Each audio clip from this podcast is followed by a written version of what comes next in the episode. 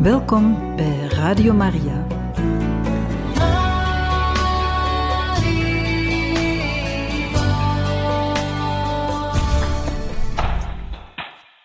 Van harte welkom, beste luisteraars van Radio Maria, bij het programma Catechismus. Vandaag zullen wij luisteren naar eerwaarde heer Gérard Denis in deze catechese reeks over de sacramenten. Dierbare luisteraars van Radio Maria. Ieder sacrament die we ontvangen, ontmoeten wij de Heer Jezus. En vandaag gaan we het hebben over het sacrament van de ziekenzalving. In de sacramenten ontmoeten we Jezus, de mens, en God in een of andere bijzondere levenssituatie. Een van die situaties die algemeen menselijk is en waar we allen of bijna allen terechtkomen, is ziekte en lijden. Een eerste reactie wanneer we ziek zijn is verzet. Er tegen ingaan. Eraan ontkomen. En we doen daar al het mogelijke voor. Dit is een goede reactie. De mensheid heeft altijd gezocht naar geneesmiddelen. En dankzij de vooruitgang van techniek en wetenschap is men zeer ver gevorderd in het bestrijden van ziekten. Er is zoveel mogelijk op onze dagen: therapieën, heelkundige ingrepen enzovoort. Maar de ziekte heeft het niet op. Ze is machtiger dan alle uitvindingen van de moderne wetenschap en techniek. En als men een bepaalde ziekte overwonnen heeft, steekt er een andere de kop op. Iets en de kanker, die we nog altijd niet de baas zijn. Deze confrontatie met het lijden kan de mens ontmoedigen, bitter en opstandig maken, hem op zichzelf doen terugplooien, wanhopig maken, tot zover dat hij zelf een einde maakt aan zijn leven. De laatste tijden zijn er wel veel gevallen van zelfmoord. Maar anderen maakt het lijden rijper.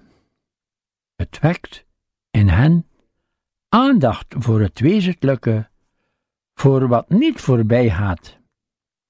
Doet hen zelfs God vinden en brengt hen dichter bij God. Het lijden doet de mens vragen stellen aan God. Waarom?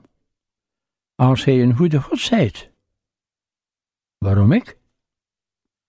Waar heb ik dat verdiend? Ik heb toch goed geleefd. God en het lijden. Een probleem waar heel de mensheid mee geconfronteerd wordt en nog altijd worstelt. Een probleem waarover reeds zoveel geschreven werd en nog wordt. Ook in de Bijbel. Denk maar aan het boek Job. Een woord, één worsteling met het lijdensprobleem. Eén groot waarom tot God. En dat eindigt niet op een verklaring van het lijden, maar op een betuiging van geloof. Het lijden in de Bijbel, het zou een lange uiteenzetting kunnen worden. We staan even stil bij de houding van Jezus in het Evangelie tegenover lijdende en zieke mensen. Jezus is Gods antwoord voor ons op het probleem van het lijden. Jezus is Gods antwoord voor ons op het probleem van het lijden. Een antwoord dat geen verklaring is, dat ons waarom niet wegneemt, maar dat toch een lichtstraaltje werpt op het duistere probleem van het lijden. Jezus geneest zieken. Er zijn tal van genezingsverhalen in het Evangelie. Uit samenvattende berichten weten we dat er zeer vele genezen werden. Alle ziekten en kwalen genas hij, zegt Matthäus in 9:35. Wat zeker niet zo moet verstaan worden dat hij alle zieken van die tijd genast. Hij geneest uit medelijden. Dat Jezus geneest is een teken dat God de mens gezond wil zien. Dat hij het lijden eindelijk niet wil? Het moet er niet zijn. Een voorteken van wat later zal gebeuren, wanneer God alle lijden zal wegnemen. Eenmaal zal er geen ziekte en dood meer zijn. Nu nog niet.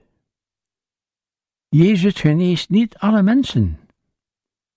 Wat Jezus doet, is een profetisch voorteken van Gods uiteindelijke overwinning op lijden en dood. Door te genezen zegt Jezus ons: eenmaal zal God de mensheid volkomen genezen en alle lijden wegnemen. Zijn genezingen verwijzen naar het kruis, dat de volmaakte genezing zal brengen. Dit is een eerste antwoord dat Jezus heeft op ons probleem. Maar er is meer. Jezus heeft anderen genezen. Zelf heeft Hij willen delen in ons menselijk lijden. Hij wordt een medelijdende God in de letterlijke zin van het woord. Jezus verklaart het lijden niet, maar hij gaat er middenin staan. Hij omhelst het, vrijwillig. Hij draagt het samen met ons. God is heel dicht bij de mens die lijdt, begrijpend en medelijdend. En dit is het tweede antwoord dat Jezus heeft. En het derde antwoord vinden we in wat er gebeurt in de olijfhof bij de doodstrijd van Jezus. Jezus is als ieder mens bang voor het lijden en de dood. Doodsbang. Ik ben bedroefd tot stervens toe. Hij zweet water en bloed uit angst. Hij riep en hij roept tot zijn vader om niet te moeten lijden. Neem die kelk weg, zegt hij. Hij roept om genezing, zoals wij. Hij is in tweestrijd. Zijn wil, die nee zegt aan het lijden, en de wil van de Vader, die wil dat hij er doorheen gaat. Zijn gebed wordt dus niet verhoord. Hij krijgt niet wat hij vraagt. Hij krijgt wel iets anders. Er kwam een engel van de hemel om hem te sterken. Hij wordt innerlijk gesterkt om door het lijden heen te gaan. En inderdaad zien wij een heel andere Jezus. Niet meer de bange mens, die het uitschreef naar zijn vader, maar iemand die kalm, sereen beslist het lijden over zich te laten komen. Komt, laten we gaan. Mijn verrader is nabij. Van nu af beheerst hij de situatie. Lees maar eens het Evangelie van Johannes. Dit is een soort genezing. God neemt het lijden niet weg, maar hij verandert de mens, heeft hem draagkracht om het te doorstaan. Wij kunnen dit een soort genezing noemen. En dit is dan het prachtige antwoord dat Jezus geeft op ons probleem. God neemt niet alle lijden weg. Hij geneest niet altijd, maar geneest de innerlijke mens om het lijden te kunnen dragen. Jezus, die al weldoende rondging en zieken genas, is er niet meer. Maar aan zijn leerlingen heeft hij zijn eigen opdracht meegegeven. Tijdens zijn leven reeds werden ze uitgezonden om te prediken en om zieken te genezen. Wat ze ook deden, ze gingen op weg, schrijft Marcus in zijn evangelie, en riepen op tot bekering. Ze dreven veel demonen uit, zalfden veel zieken met olie en genazen ze. Marcus 6, 11 tot 13.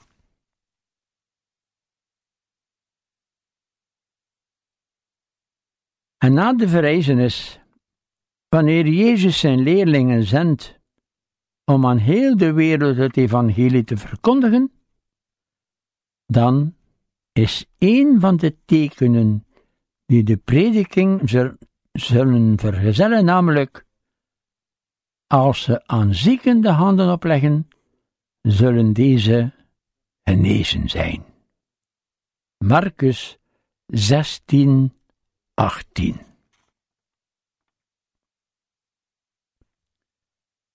De kerk is altijd trouw gebleven aan die opdracht van de Heer. In haar duurt de liefde van Christus voor de zieken voort. Er zijn altijd genezingen geweest. Bepaalde mensen hadden en hebben nog het charisma van genezing. Er zijn gebedsverhoringen die de zieken opwekken, soms op wonderbare wijze genezen. En er is vooral het ziekensacrament, de ziekenzalving. In dit sacrament hebben we reeds heel vroeg, nog in de apostolische tijd, een getuigenis. Het wordt expliciet beschreven in de brief van Jacobus die zegt: Is iemand onder u ziek? Laat hij de oudsten van de gemeente roepen. Ze moeten een gebed over hem uitspreken en hem met olie zalven in de naam van de Heer. En het gelovige gebed zal de zieke redden en de Heer zal hem oprichten. En als hij zonden heeft begaan, zal het hem verheven worden. Jacobus 5, 14 en volgende. Ik heb wel een heel lange aanloop genomen om uit te komen bij dit sacrament. Ik dacht dat het nuttig was, eens de houding van Jezus tegenover ziekte en lijden te bekijken. Zo kunnen we beter begrijpen wat hij uitwerkt in het sacrament van de zieken.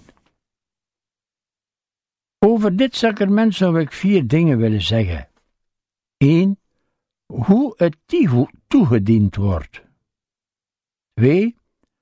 Wat het bewerkt. 3. Voor wie het bestemd is. 4. Iets over de bredere omkadering van dit sacrament.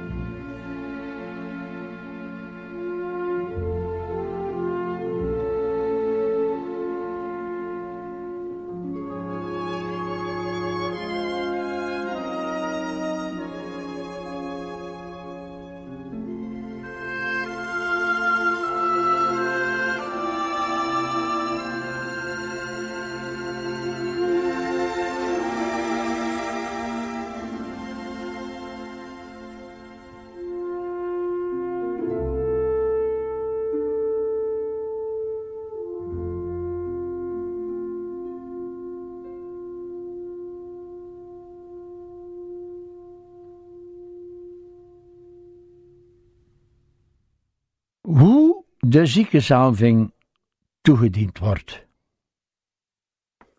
We hebben het waarschijnlijk allemaal al reeds meegemaakt. Toch wel een gezamenlijke viering of een individuele viering. We staan alleen stil bij de kern van dit sacrament, niet bij de gebeden als omkadering. We zien dat Jezus op een heel menselijke manier omgaat met zieken en hen geneest. Hij had het kunnen doen door zijn wil alleen. Soms doet hij het zo, bijvoorbeeld bij de knecht van de honderd man, een lezing van op afstand. Meestal deed hij het met tekenen genomen uit de schepping. Hij legt de handen op, raakt hen aan, bestrijkt hen met speeksel, gebruikt slijk, vraagt dat ze zich zouden gaan wassen. En de kerk doet dat precies ook. Er is een dubbel teken in dit sacrament. De handoplegging en de zalving met olie. De priester legt in stilte de handen op het hoofd van de zieke. Soms zal hij in één gebed voor of na de zin duiden van deze handoplegging. Maar de handoplegging zelf gebeurt in stilte. Dit is een heel sprekend gebaar. Ik vind dat het ook stilte, dat ook die stilte hier sprekend is. Tenminste, als die meer is dan een vluchtig, even aanraken.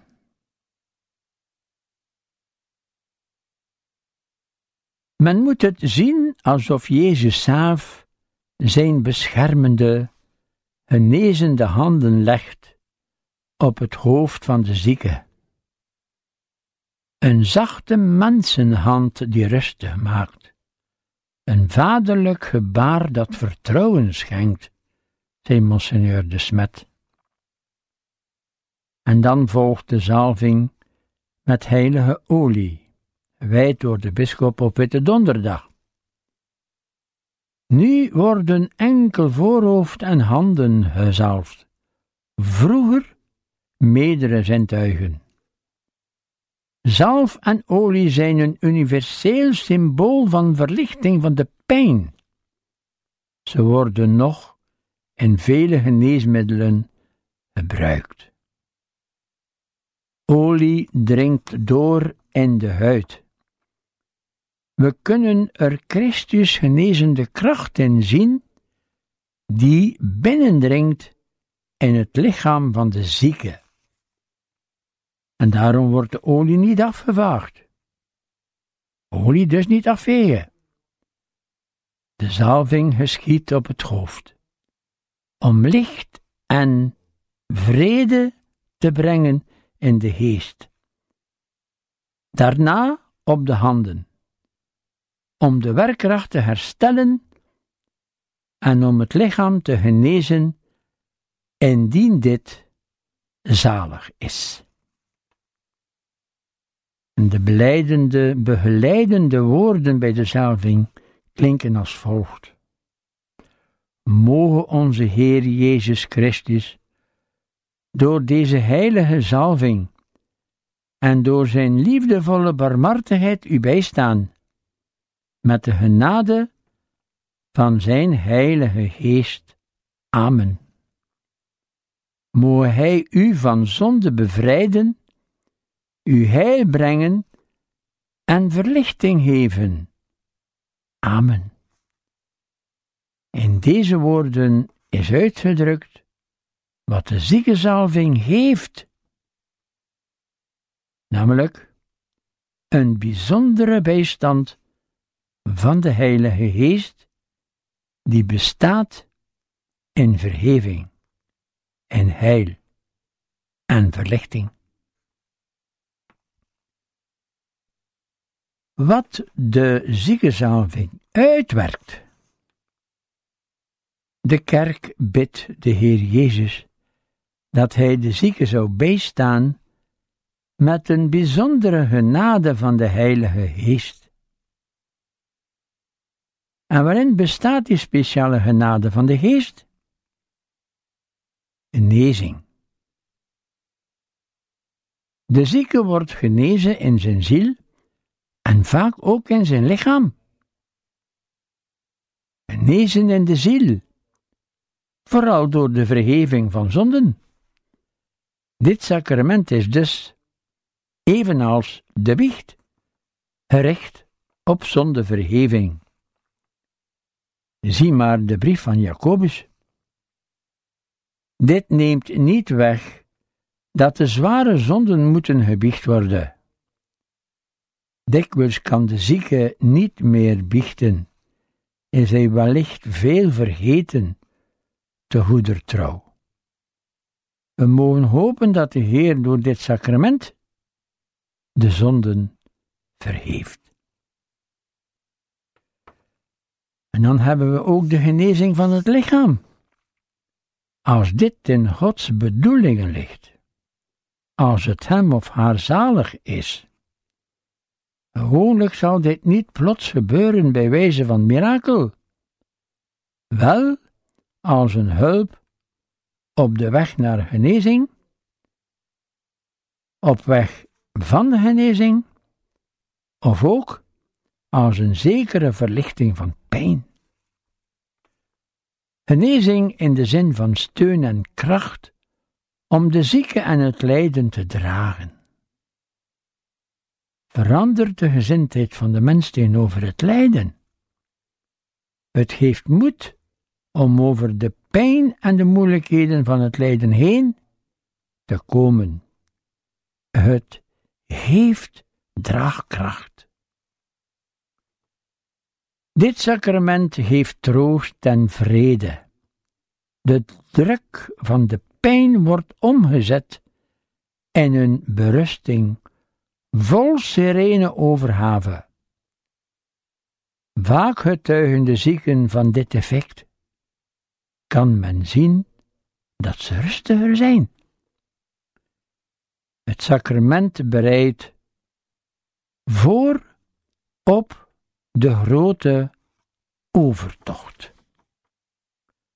Geloof en vertrouwen op God worden hersteld of vernieuwd, zodat de mens kan weerstaan aan de bekoring van wanhoop en angst voor de dood. Het is de laatste zalving die de zalving van doopsel en vorsten voltooit op de drempel van de eeuwigheid. Door de ziekenzalving wordt de zieke toegewijd geconsacreerd aan de leidende Heer. Door deze vereniging met de gekruisigde wordt zijn lijden verlossend lijden. Het wordt van beproeving tot genade. Genade voor heel de kerk. Door hun lijden dragen zieken bij tot heiliging van de kerk. Zij zijn gewijde mensen. Wie mag het sacrament ontvangen? In de praktijk heeft dit sacrament sinds de, het laatste concilie een grote wending gemaakt. De meesten van ons weten nog wel hoe het vroeger was. Toen noemde men het ziekensacrament, het sacrament van de stervenden. Die moet berecht worden, bediend. Het is bijna met hem, met haar gedaan. Men sprak toen van de laatste sacramenten. Men wachtte zo lang mogelijk om de priester te roepen. In veel gevallen als het al te laat was. Iemand van de familie was zeer kwaad op mij, omdat ik had voorgesteld het ziekensacrament te geven, te ontvangen. Dus, sacrament van de stervenden, aankondiging van de nakende dood. Sinds het concilie probeert men dit sacrament uit de stervensfeer te halen en het te laten zien en beleven als sacrament van de zieken. De mentaliteit en de schrik voor dit sacrament is gelukkig aan het veranderen. Vooral dankzij de praktijk van de algemene ziekenzalving. Die mentaliteitsverandering is wel niet gemakkelijk geweest, misschien nog niet gerealiseerd bij sommigen. Is het zo erg? Zeggen de mensen dan aan de priester. In de praktijk is dit sacrament vaak nog een bediening voor terminale zieken. Het komt erop aan dit zo spoedig mogelijk te laten gebeuren, zeker als de zieke nog bij kennis is. Wie mag nu dit sacrament ontvangen? Volgens de, het concilie en ook volgens het nieuw kerkelijk wetboek mag het toegediend worden aan de gelovigen die tot het gebruik van het verstand gekomen ten gevolge van ziekte of ouderdom en levensgevaar verkeren. Levensgevaar, ja. Wat is dat?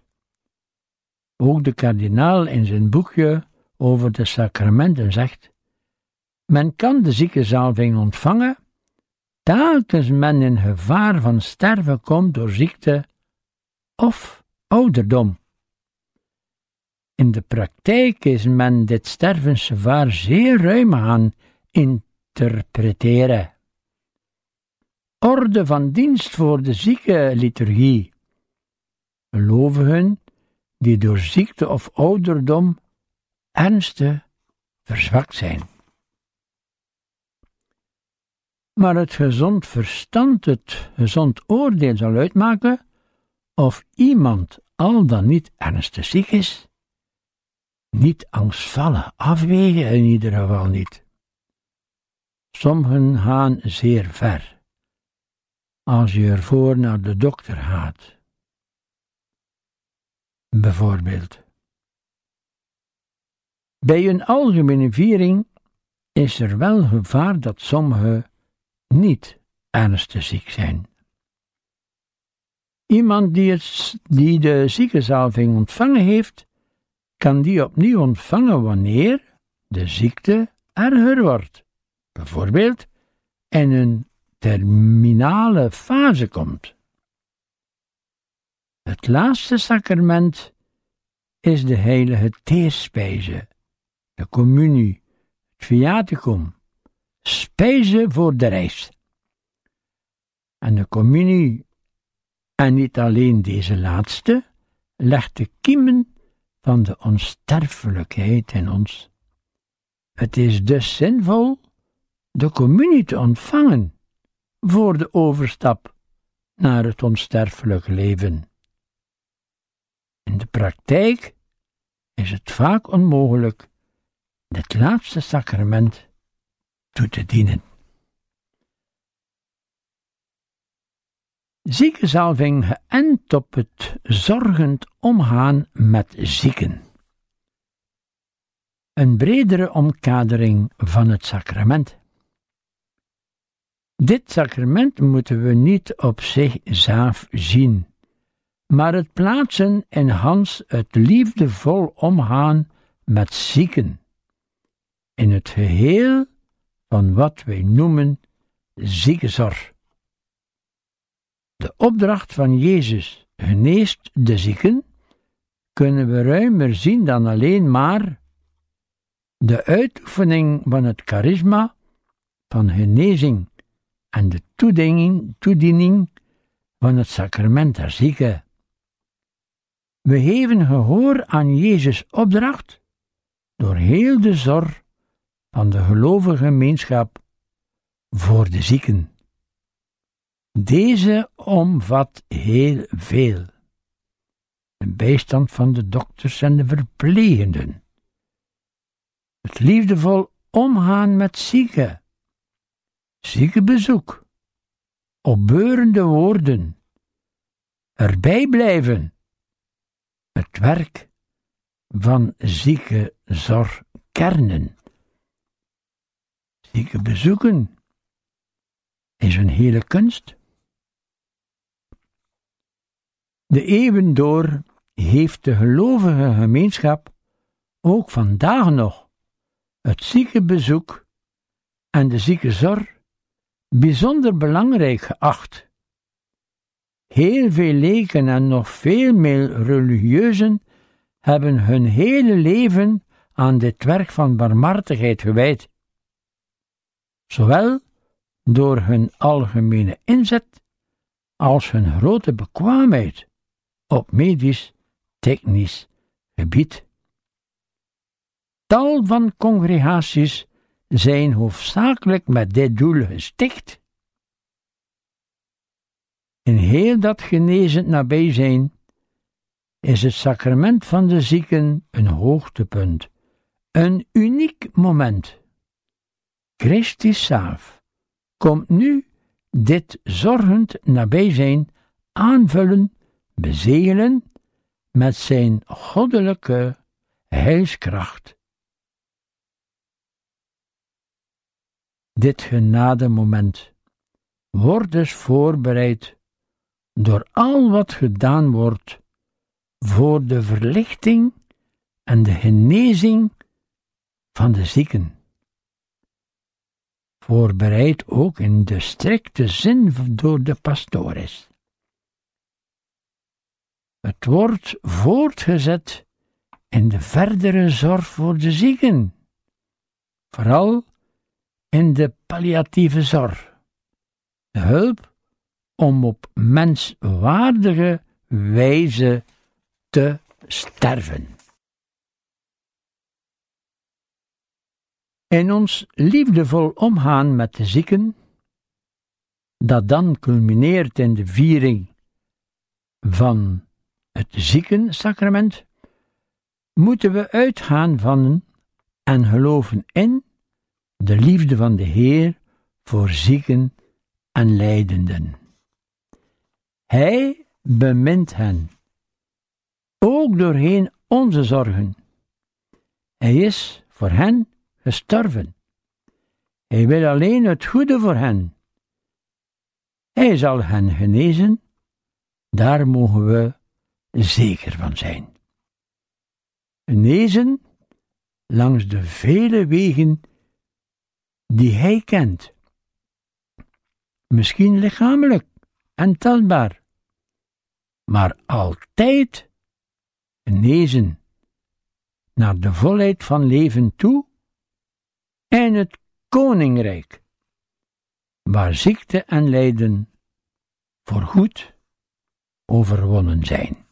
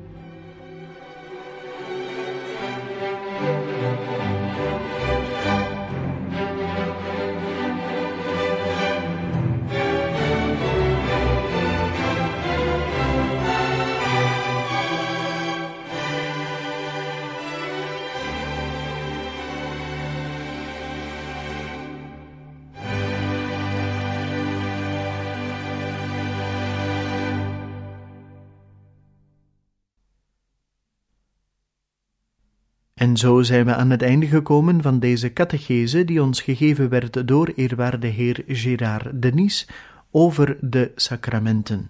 Een volgende keer staan we samen met hem opnieuw stil bij een van de sacramenten.